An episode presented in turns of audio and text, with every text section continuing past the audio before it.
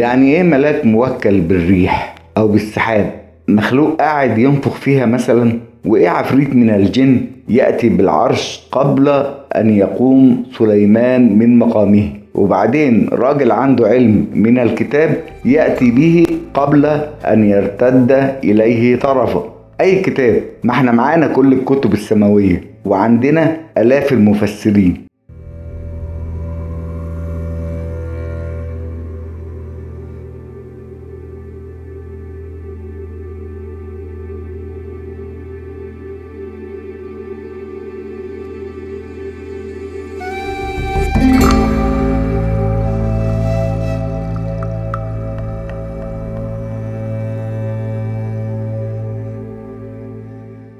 إحنا كبشر عندنا مشكلة اننا عايزين نشوف يعني علشان اقتنع بوجود كائن عايز أشوف الكائن ده في حين ان الحقيقة مش كل الكائنات مرئية. واهم واول هذه الكائنات الغير مرئية أو الاثيرية نفسي أو روحي. انت مش شايف الكائن اللي مديلك الحياة لجسمك وبيحركه؟ انت مش شايف افكارك مع ان افكارك ديت هي المؤثر الاقوى لكل افعالك. انت مش عارف حتى إيه اللي بيأثر في افكارك. افكار الاخرين كلامهم اصواتهم الإضاءة الحرارة الحقيقة كل ده بيأثر في طريقة تفكيرك. ومع ذلك انت مش شايفه. طب هل أنا عقلي كيان؟ طبعا عقلي كيان. نفسي كيان؟ طبعا نفسي كيان. لكن أنا مش شايفه. أنا أقدر ألم كل دوت وأسميه طاقات أو طاقة. أنا جوايا طاقة حياة. هي اللي بتحركني وهي اللي بتساعدني على التفكير. وبما إن أنا ليا وعندي طاقة حياة فهذه الطاقة ممكن تكون موجودة في أي كائن تاني. لكن هذا الكائن مش متجسد. الطاقة الكهربية طاقة لكن مش متجسدة. أنا معرفش أمسكها معرفش أشوفها. الطاقة الحرارية معرفش أمسكها ولا أعرف أشوفها أعرف أحس بتأثيرها. ده موضوع تاني خالص. فبالتالي لما يجي يقول لي ملك يحرك السحاب أنا بستغرب جدا ليه بقى؟ لأن أنا بتخيل على طول الملك بتاع مايكل أنجلو اللي بيترسم دوت في اللوحات. هو بني آدم لابس جلابية طويلة بيضة وطالع له جناحين. الحقيقة ده ده خيالك أنت. أو خيال البشر يعني. أو يمكن هو لما بيجي يتجسد لك بتكثيف بعض المواد والذرات قدامك علشان يعرف يكلمك حسب القصص يعني والأساطير اللي شفناها وحتى القصص الدينية.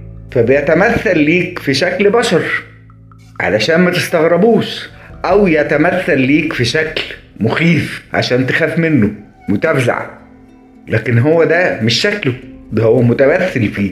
ده هو صورة ابتدعها علشان يعمل وظيفة معينة. لكن هو طاقة وطاقة بتخرج منها إشارات. زي ما إحنا كده شايفين وبنعرف إن الطاقة الكهربية بشوية تجهيزات تقدر ترسل موجات لاسلكية وهذه الموجات ممكن تتكثف تاني وتتحول لصورة وصوت في مكان تاني بعيد تماما. التلفزيون والراديو حاجة بنشوفها كل يوم والموبايلات بتاعتنا اللي إحنا قاعدين شايلينها وماشيين بيها. بنكلم الناس في أمريكا وبنكلم الناس في السويد وبنكلم الناس في أستراليا وبنشوفهم وبيشوفونا والكلام ده كله. ده طبعا كان يعني فوق تصور حتى الناس اللي كانت بتتكلم عن الجن زمان. اللي كانت بتقول الجن والعفريت ما كانوش يتخيلوا انه يعني لو كان حد قال لهم كده كانوا قالوا دي خرافة مستحيلة.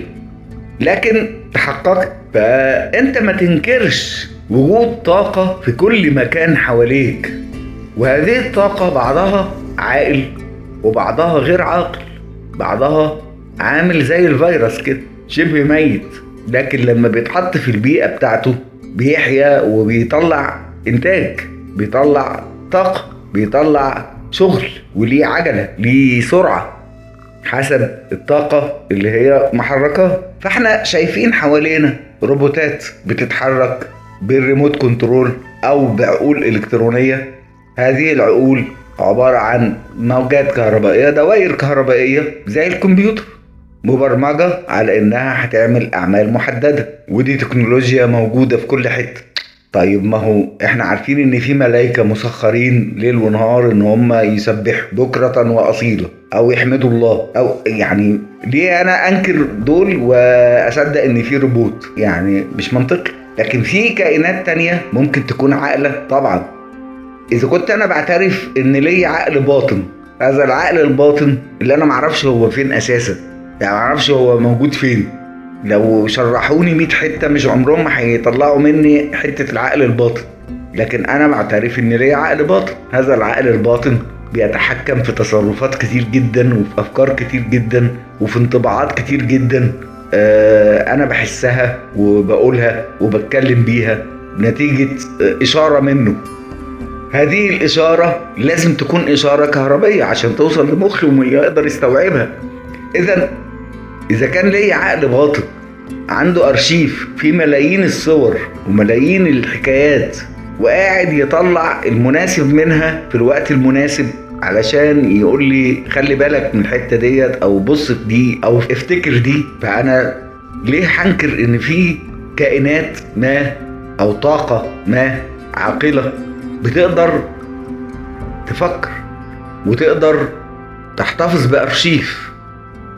ناس كتير جدا مؤمنة بأن الأماكن الأماكن اللي هي الجماد ده اللي حوالينا الحيطان الأرض بتحتفظ بذاكرة لما يحدث فيها. بعض النظريات بتقول إن هذه الذاكرة بتزيد مع مغناطيسية الأرض أو الطاقة المغناطيسية في الأرض. نظرية أو فرضية وده ممكن يفسر تماما إن أنا مثلا أشوف عفريت واحد ميت. وهو أنا ما شفتش عفريت. دي ذاكرة المكان. في وقت ما في ظرف ما أظهرت هذا الشكل. أظهرت حادث معين. المكان احتفظ بصورته انطبع فيه. وده بيفسر تماما ليه أنا مثلا بخش دار عبادة فأبقى مستريح نفسيا. وهادي. حتى لو أنا مش مؤمن يعني حتى لو أنا بس حاسس إن نوع من الشفافية كده نوع من الصفاء. وليه بخش مكان بكتئب؟ ليه بعدي جنب قبر معين فصدري ينشرح وأبقى آه، مرتاح؟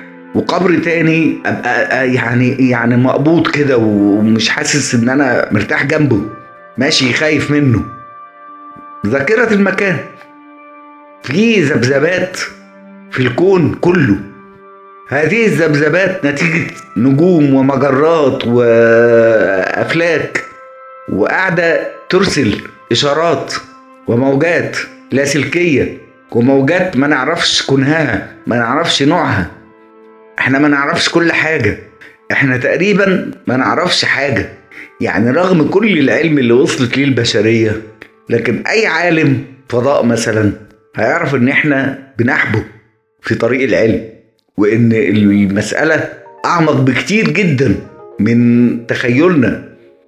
أو من تصوراتنا عن الكون والعلم.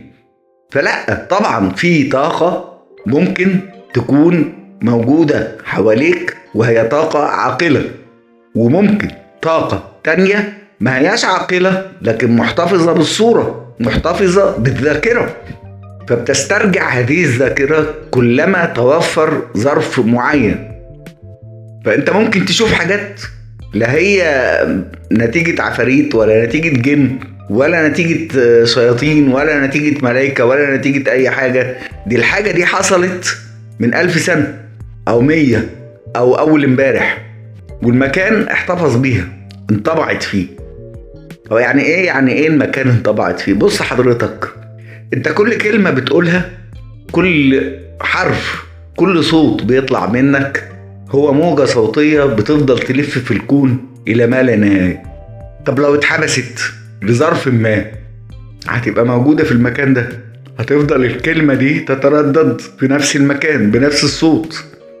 لكن هي بتفضل تسبح في الفضاء وكلما سبحت كلما اتسعت لغاية ما تتلاشى ما تقدرش تسمعها لكن هي موجودة.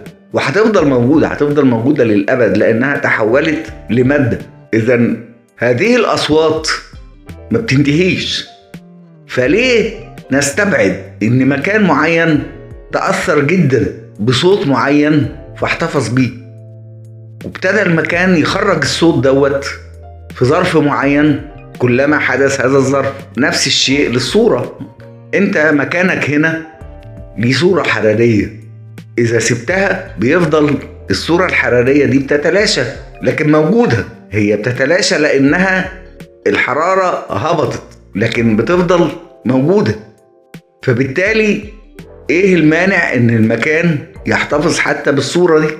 فيبتدي يشكلها تاني أو يظهرها تاني في ظروف معينة. إذا مش كل اللي بنشوفه جان ولا عفاريت ولا شياطين أحيانا بنشوف تاريخنا وأحيانا بنشوف طاقة أخرى تشكلت لينا. لظرف معين أو لأداء وظيفة معينة وأحيانا ما بتتشكلش لكن بتفضل لبدلنا في الدور. بمعنى إيه؟ بمعنى إنها بمجرد ما طاقتك تتسرب بالحزن بالغضب بأي شكل من الأشكال فتضعف فتقوم هي تقفز مكانها تحتلك وتسيطر عليك. زي بالظبط الفيروس الميت اللي لسه بنتكلم عليه. كل الفيروسات كائنات ميتة. بمجرد ما بتنتقل للبيئة بتاعتها داخل جسمك وبتحتل الخلية المناسبة ليها في جسمك خلاص هي ملكته. وعلى قد جهازك المناعي ما بيقدر يقاومها على قد ما هي بتقدر يا إما تهزمه يا إما ما بتقدرش وبتنسحب فأنت نفس الشيء في طاقات حواليك ممكن جدا تبقى زي الفيروس كده.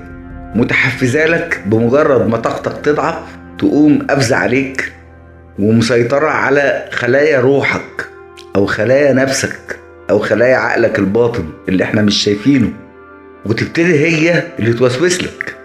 وتبتدي هي اللي تخيل لك فيبتدي انت تصاب بخيالات ووسواس قهري ورهاب واكتئاب والى اخره. وبعدين هي تسيطر عليك للاخر بحيث ان انت خلاص هي عجزتك وملكتك وعايشة جواك.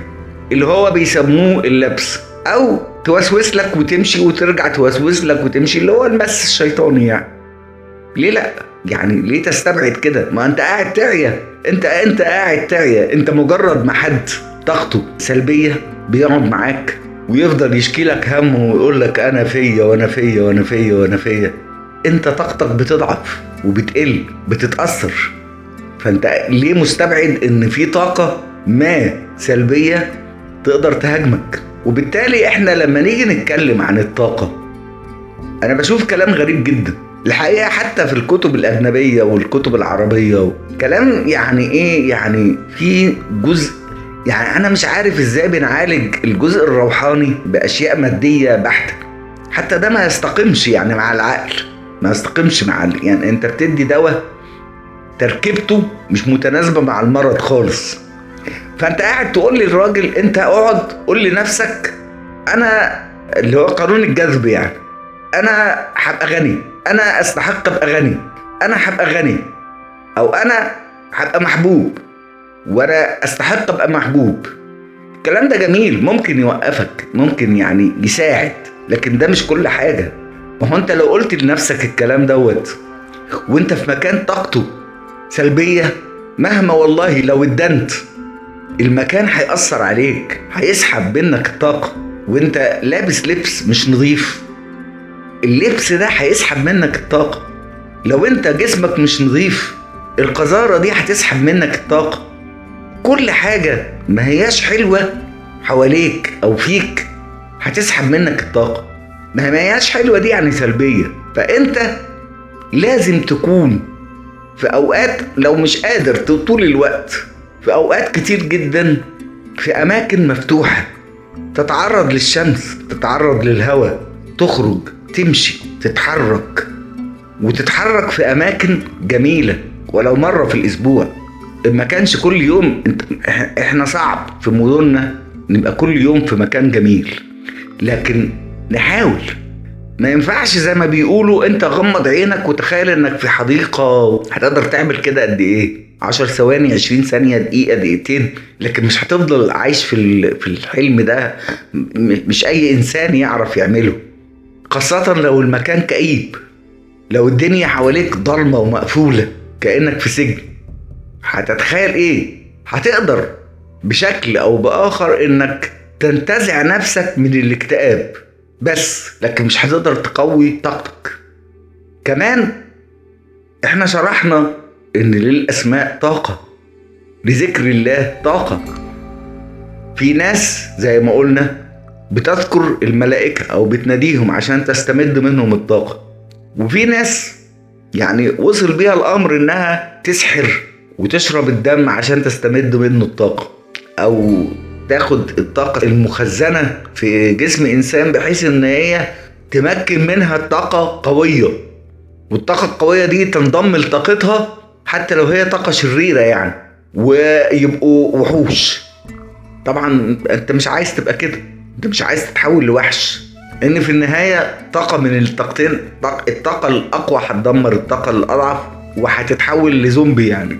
فليه يعني؟ ليه؟ ليه واحد بيعمل في نفسه كده؟ فإحنا في الحلقات الجاية هنتكلم مش عن الجن والعفاريت ولا عن الشياطين ولا عن الملائكة لأن كل استعانة بهذه الأشياء الكائنات يعني هي شرك. وهي في الحقيقة فتح باب جوايا لهذه الطاقة إنها تحتلني وإنها تحل محل روحي وأنا عايز روحي. فأنا لما أجي أزود طاقتي عايز أزود طاقتي اللي هي روحي أنا اللي هي أدعم نفسي أدعم روحي أدعم عقلي أدعم كياني أنا. مش أدعم كيان تاني إنه يستولي على كياني ولكن أنا لازم برضو أحمي نفسي من هذه الكائنات المترصدة بيا. زي ما بحمي نفسي من الفيروس فبقعد انضف إيدي وأغسلها كويس وانضف الأواني اللي باكل فيها واللي بشرب فيها. لازم أحمي المجال بتاعي من إنه يتأثر بهذه الطاقات السلبية فتيجي تهاجمني. وأنا مش هحمي نفسي إلا لو اعترفت إنها موجودة. يعني أنا عمري ما هفكر إن أنا أغسل إيدي كويس إلا لو خايف من الفيروس وأنا عارف انه في فيروس. فهيبقى بالنسبة لي مسألة مهمة جدا إن أنا طول الوقت قاعد أغسل في إيدي وأغسل في وشي وأغسل في جسمي وانضف نفسي علشان الفيروس ما يتمكنش مني. لما نيجي لروحي لازم أغسل روحي ولازم انضفها كويس أول بأول وانضف قلبي أول بأول علشان الفيروس ما يتمكنش مني. ده اللي في الحلقات الجاية هنبتدي نتكلم عليه. إزاي أستمد طاقات المكان والمعادن والأسماء وأستعين بيها في تقوية نفسي؟ نلتقي إن شاء الله في حلقات قادمة.